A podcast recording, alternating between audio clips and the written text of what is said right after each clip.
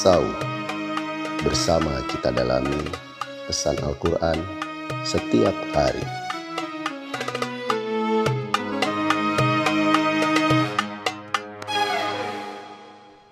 A'udzu billahi.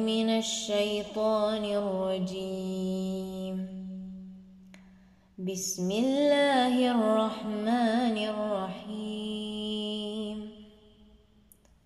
Ar-Rahman Allamal Quran. Allamal Quran.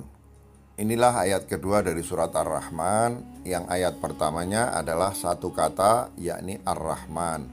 Dengan ayat pertama Allah Subhanahu wa taala ingin mengungkapkan bahwa sifat utamanya adalah Maha Pemilik belas kasih. Dan ini berbeda dengan Ar-Rahim adalah sifat kasih sayang atau belas kasih Allah yang universal mencakup semua makhluknya tidak peduli apakah makhluknya itu beriman atau kafir, muslim atau non-muslim, baik atau jahat, semuanya mendapatkan bekal yang jika bekal itu diakui dan kemudian diterapkan di dalam kehidupannya, maka semua makhluknya akan mendapatkan apa yang dikejarnya di dalam hidup, dalam hal manusia yaitu kebahagiaan. Nah, ayat kedua ini kemudian seolah-olah ingin mengatakan apa nikmat terbesar atau karunia terbesar yang Allah sebagai yang maha belas kasih turunkan berikan kepada manusia. Ayat ini mengatakan nikmat itu adalah pengetahuan yang diajarkan oleh Allah Subhanahu wa taala tentang Al-Qur'an.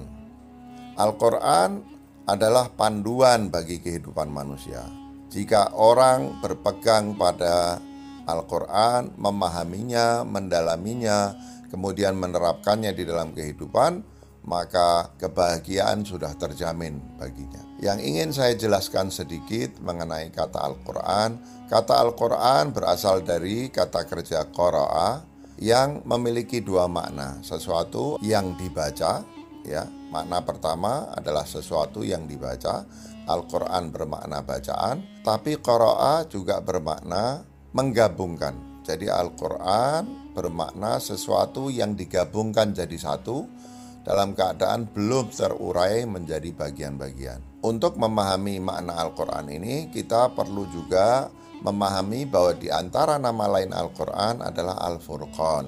Berbeda dengan Al-Quran, Al-Furqan adalah ayat-ayat Al-Quran yang sudah terurai seperti kita dapati di dalam mushaf Al-Quran yang kita baca selama ini.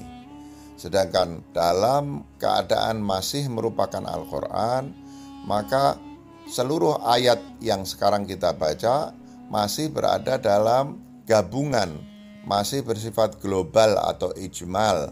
Bentuknya adalah gagasan yang bersifat sintetik, menyatu, bukan analitik seperti mushaf yang kita baca yang diinstal oleh Allah Subhanahu wa taala ke dalam hati setiap manusia. Dengan ayat ini Allah juga ingin mengatakan bahwa sesungguhnya semua hati manusia ketika diciptakan dengan rahman atau kasih sayang universal ini sudah dibekali dengan Al-Quran. Tidak ada manusia yang di dalam hatinya tidak memiliki gagasan tentang Al-Quran, gagasan tentang panduan dari Allah SWT untuk para manusia itu menjalani hidupnya. Persoalannya adalah apakah Al-Quran yang bersifat gabungan berupa gagasan kesatuan yang sintetik, apakah pemahaman tentang Al-Quran itu teraktualisasikan di dalam kehidupan manusia itu. Nah, Al-Quran pun kemudian diturunkan sebagai Al-Furqan kepada Rasulullah Shallallahu Alaihi Wasallam sepanjang karir kenabian beliau yaitu 23 tahun ayat demi ayat kadang-kadang beberapa ayat turun sekaligus Tujuannya adalah tentu untuk lebih memandu lagi manusia untuk bisa mengaktualkan potensi pemahaman Al-Quran yang sudah ada di dalam dirinya. Untuk orang seperti Al-Insan Al-Kamil yaitu Rasulullah Shallallahu Alaihi Wasallam, sesungguhnya Al-Quran yang bersifat global di dalam hati beliau sudah cukup untuk memandu beliau.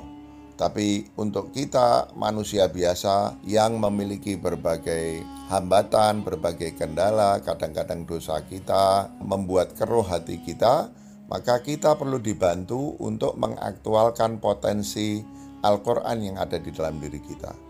Maka dengan mempelajari Al-Quran ayat demi ayat, memahami maknanya, kita berharap bahwa kita bisa memulihkan, kita bisa merecover Al-Quran dalam bentuk global, dalam bentuk gagasan yang menyatu yang ada di dalam hati kita, menjadi panduan-panduan praktis di dalam diri kita. Dan dengan cara itu, insya Allah kita bisa mendapatkan cahaya di dalam perjalanan kita untuk meraih kebahagiaan hidup baik kebahagiaan hidup di dunia maupun kebahagiaan hidup di dalam kehidupan setelah mati yang abadi.